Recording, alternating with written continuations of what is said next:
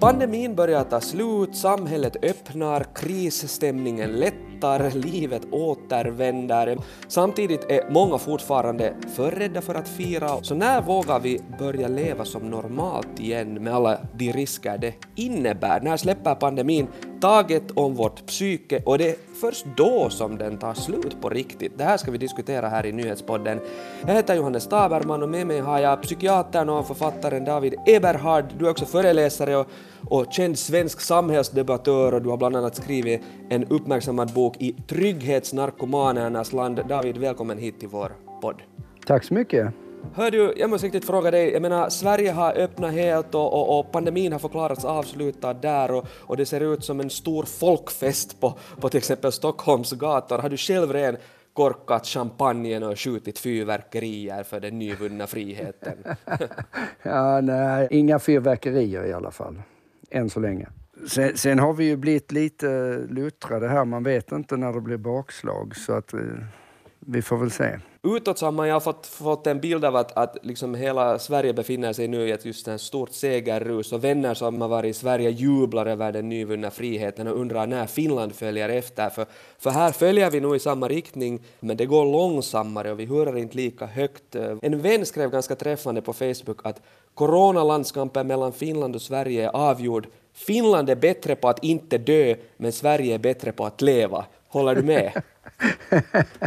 ja, jo, ser man på rena siffror så är det ju så. Men jag vet inte heller om Sverige är så himla bra på att leva egentligen, om jag ska vara ärlig. Så du skulle inte gå så långt som att säga att, liksom att, att, att eh, de trygghetsälskande svenskarna har blivit världens minst rädda och mest livsbejakande folk? Nej, jag, jag hade faktiskt ett TED-talk om det här eh, våren 2021 Eh, och jag gav ju ut en nyutgåva av min bok I trygghetsnarkomanernas land här också i våras, alltså för ett år sedan ungefär. Eh, för jag menar ju att Sverige, tyvärr, jag skulle gärna önska att Sverige var väldigt lite trygghetsnarkomant, men om man tittar på Sveriges coronastrategi så kan inte jag säga att det beror på att vi är lite trygghetsnarkomaner utan mer att vi var totalt oförberedda. För vi har ju ett och ett halvt år efter alla andra, eller ett år efter alla andra, så försökte vi bara plagiera eh, samma restriktiva politik fast gjorde det mycket sämre. Eh, det var elakt, ja, det är... men, men sant. är du överraskad över att man ändå i Sverige liksom har reagerat och förhållit sig ändå liksom relativt lugnt till den här pandemin? Alltså det, det, är väl lite det som är min poäng, att initialt så hade man ju en, eh, en strategi i Sverige som byggde på att man lät eh, svenska Folkhälsomyndigheten styra allting och då var det ju mycket mer, ska vi säga, punkigt, om man uttrycker sig vanvördigt. Eh, det vill säga att man följde, vad finns det för evidens för det här och det här och det här? Eh, och det som sen hände i Sverige var ju att sen tog politikerna över. Och då vill jag ju mena att egentligen handlade det inte om att Sverige var eh, icke-trygghetsnarkomaner utan om man läser min bok så, så är ju ett, ett av de viktigaste tecken på trygghetsnarkomani att man är helt oförberedd på riktiga faror. Eh, så jag skulle nog säga att det snarare beror på att vi, vi hade inga beredskapslager, vi hade inga strategier för att hantera någonting som möjligen då är livshotande för hela befolkningen. Så jag, tyvärr måste jag, jag hade önskat som svensk att kunna säga att oj vad vi var duktiga i det här, eh, sett till att vi inte var trygghetsnarkomaner. Men, men i själva verket skulle jag säga att det kanske faktiskt var tvärtom. Eh, vi hade gått så långt i vår, vår oförståelse för hur man riskvärderar att man när det väl kommer någonting som är en reell risk så hade vi på något sätt helt eh, av, avfärdade det som att den stora risken är att folk inte kallar varandra hen eller eh, har fel värdegrund istället. Menar du liksom det att, liksom att det svenska folkhemmet har blivit så välvärderat att sen svenska folket till och med i en sån här coronapandemin invaggas i en sån här falsk trygghet om att ingenting kan hota dem Exakt. eller er, inte ens en global det, hälsokris? Är det det du säger? Det, det är ungefär det jag försöker uh, säga. Och sen när man då upptäcker att oj, det här var kanske inte åtminstone utifrån de initiala data så såg det ju rätt illa ut och, och då, då försöker man ju överkompensera det och så står vår socialminister och säger att vi har alltid förordat lockdown och munskydd och alla de här sakerna som man uppenbarligen inte alls förordade från början. Men, men sen är det ju en helt annan fråga att jag är av uppfattning att hela världen har överreagerat. Men även Sverige, fast långt senare än alla andra. Men jag menar, tittar man så här ett och ett halvt år senare så är dödligheten någonstans mellan 0,2 till max 0,5 procent om man är väldigt eh, på, på totalen. Och det enda relevanta måttet att mäta som man aldrig någonsin mätte, nu har man ju börjat mäta det, det är ju hur ser överdödligheten ut över tid i de olika länderna? Det är så man måste jämföra det. Men det har man inte gjort utan man producerade då siffror med, med så här många döda här och så här många döda här eh, istället för att se, okej okay, vad har du egentligen dött av? Därför att det dör ju de facto människor varje dag. Eh, så du, det du måste mäta är ju, har det dött många fler än vad det brukar göra över tid? Och i Sverige 2019 dog det mycket färre än vad det brukar göra, vilket gör att man hade kunnat förvänta sig att det skulle dö väldigt många oavsett corona 2020. Jag funderar just nu att nu har vi liksom genomlevt två år av just såna här dagliga rapporteringar av dödsfall och varningar för en massa mm. risker. Att, att vad har det på något sätt gjort med vår riskmedveten här i, i trygga Norden, skulle du säga? Har vi blivit mer rädda? Alltså det, det som är min poäng är att vår riskbedömningsförmåga som människor är ganska dålig. När det kommer till saker som leder till eh, ond bråd död, det vet man från tidigare forskning att människor som är dåliga på att värdera saker som har en potentiellt eh, fatal utgång, då överskattar man ofta risken. Det vill säga saker som plötsligt leder till död Eh, tenderar vi att överskatta och vi tenderar att underskatta risken för saker som är vardagsnära. Och, och, på samma sätt så tenderar vi att överskatta risk för saker som, som eh, vi inte kan styra över.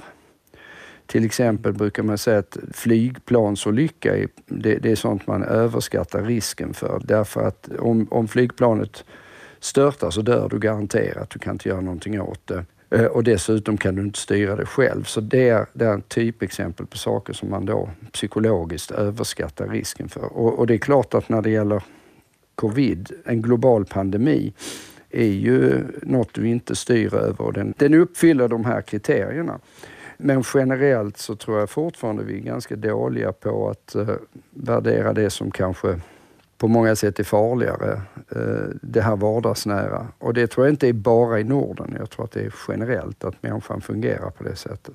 Mm. Jag funderar just liksom att när vi nu har blivit så väldigt liksom uppmärksammade på en massa risker nu under pandemin, så jag menar, tror du vi vågar eh, leva normalt igen med alla de risker som, som ingår i livet så att säga? Vågar vi köra bil, åka båt, vandra på hal is eh, och, och, och sånt Eller hur påverkar det oss som individer och samhälle liksom att vi har genomgått en sån här väldigt riskfokuserad period?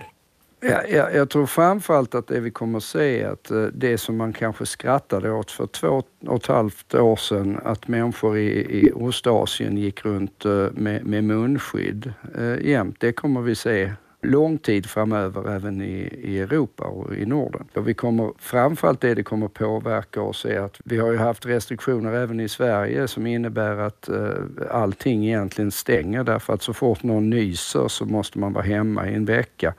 Vilket gör att framförallt nu med omikron så var det absolut ingenting som fungerade.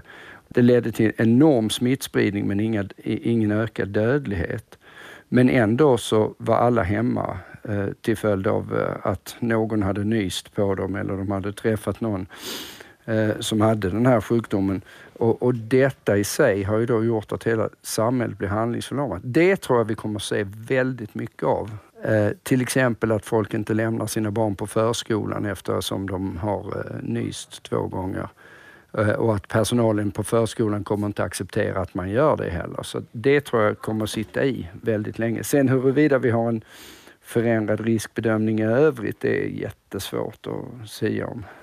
Mm. Jag tänker just på det att någonstans känns det som att vi står lite liksom i ett äh, vägskäl och, och vissa är redan liksom färdiga att ta den här liksom raka vägen ut ur pandemin och säga att nu är allt över, andra mm. hänger lite kvar ja. och pandemin släpper inte helt taget om deras psyke. Hur mycket ser du av det här? Jag menar, du jobbar som psykiater, hur mycket ser du av det här hos, hos människor du träffar och, och, och hur tror du att det hänger länge kvar, det här trauma? Det tror jag hos de människor som där det hänger kvar kommer det hänga kvar länge. Och jag tror att vi kommer se väldigt mycket fler preppers. Sådana här som förbereder mm. sig för katastrofer. Eh, så, så, det finns ju effekter som kommer uh, sitta i som är så att säga psykologiska effekter av det här. Det, det är jag helt övertygad om. Och det tycker jag mig också se i, i mitt jobb, även om det är anekdotiskt. Nu under pandemin så har har, har mångas mentala problem ökat, inte bara på grund av rädsla för viruset utan också på grund av de hårda restriktionerna som har stängt ner delar av samhället och gjort oss mer isolerade och ensamma.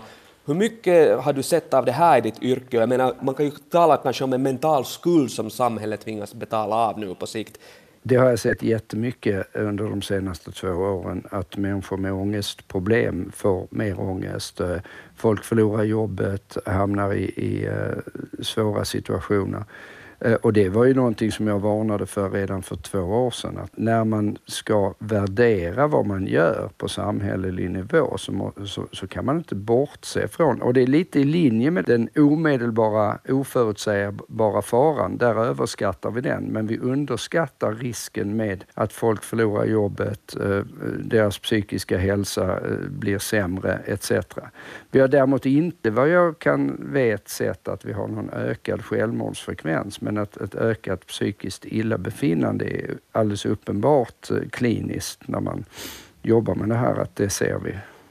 Vad finns det då för verktyg att ta till för att liksom bli av med den här mentala skulden och få alla att våga leva igen för att liksom kollektivt komma ut ur pandemin mentalt? Alltså jag, jag, tror att problemet här är att vi kan se det ur ett kollektivt eh, perspektiv, men det är väldigt svårt för det, som du varit inne på, det finns ju Eh, individer här som bara har väntat eh, kanske eh, i ett och ett halvt år på det här och, och, som bara går vidare och glömmer det här och lever som vanligt. Sen har vi de individerna som inte gör det och det är de man måste jobba med.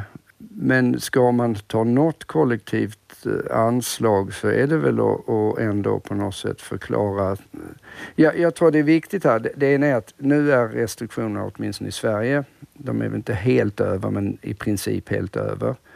Och då, då måste man leva efter det också. Ja, det vi ser är ju att folk är väldigt obekväma i eh, situationer där det har varit restriktioner de senaste två åren ändå. Till exempel det här med förskolan som jag sa. Att, jag, jag tror att man måste återgå till hur det var före 2020. Men om vi ser till den allmänna befolkningen så är det ju så att vi är så olika så vissa kommer inte ha några besvär av det och andra kommer ha det och jag tror att man måste möta det individuellt. Är det liksom så, menar du, liksom att samhället måste liksom rikta sin riskmedvetenhet bättre? För ja, att också vi ska känna oss tryggare? Mm, och, och, jag tror att är det någonting vi har ett kollektiv till med tanke på hur dåliga vi människor generellt sett är på riskbedömning så är det att det vi har beredskap till och det är det vi har myndigheter till egentligen att, att se till, okej, okay, här har vi någonting där vi människor faktiskt inte fungerar jättebra. Då ska inte myndigheterna dels förstärka att vi är dåliga på det och vara ännu sämre, vilket jag tycker stundtals myndigheterna var, när de presenterar dödsfall varenda dag, timme för timme. Det gör ju det här ännu värre. Men däremot också att vi har myndigheter av en orsak. Det finns en orsak till varför man har beredskapslagen. Det finns en orsak till varför man har IVA-platser mer än vad som kanske krävs under normala omständigheter och att man inte försätter sig i den situationen igen.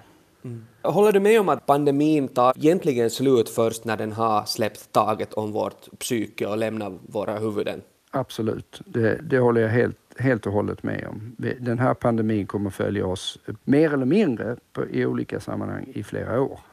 så, så tror du det finns de som aldrig så att säga lämnar den mentala pandemin? Mm. Det tror jag också tyvärr att så är då. Det är huvudsakligen den typen av personer som har ångestproblematik redan från början och det kanske man kan säga, det kanske de skulle haft i alla fall, men deras situation blir inte bättre av att de har ytterligare en sak att oroa sig för att äh, hamna i. Människor med tvångssyndrom, människor med generellt ångestsyndrom. Äh, människor som tenderar att få alla diagnoser som förklarar deras illabefinnande så kan man få nya diagnoser nu. Så att det finns ju många aspekter av det här som kommer hänga i. Mm. Eh, två amerikanska forskare skrev i december i British Medical Journey att, att, att, att pandemier historiskt inte har tagit slut när smittorna tagit slut, utan när sjukdomen slutar ha ett nyhetsvärde i publikens, i medias och i den politiska elitens ögon. Så vad skulle du säga att är avgörande för att pandemin ska liksom släppa vårt psyke och sluta fylla vårt huvud så mycket? Ja, men det krävs ju någon form av bokslut med det hela. Nu går vi vidare.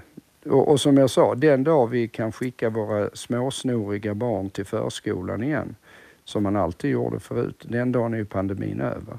Men vi är långt därifrån. Kan ett sånt här bokslut göras av samhället kollektivt eller är det här upp till var och en av oss att göra själv? Jag tror att var och en gör det individuellt, men för att det ska få en riktig impact så det åligger eh, de styrande någonstans att säga att nu vänder vi blad, som svenska kungen sa. Eh, och det som är svårt är att vi har ju släppt alla restriktioner, i princip alla, men då finns det fortfarande rekommendationer kvar. Och de rekommendationerna ser ju exakt ut som restriktionerna egentligen. Så att där kan man kollektivt säga att nu, nu finns det inga rekommendationer. Rekommendationen är att leva som vanligt. Och myndigheterna säger nu är rekommendationen lev precis som det var före 2020. Det kan de hjälpa medborgarna med. David Eberhard, psykiater och författare, tack för ett eh, intressant samtal. Tack så mycket. Det var kul att vara med. Du har lyssnat på nyhetspodden från eh, Svenska Yle med mig Johannes Taberman, Ami Lassila är producent, Micke Andersén skötte tekniken. Fortsätt lyssna på oss.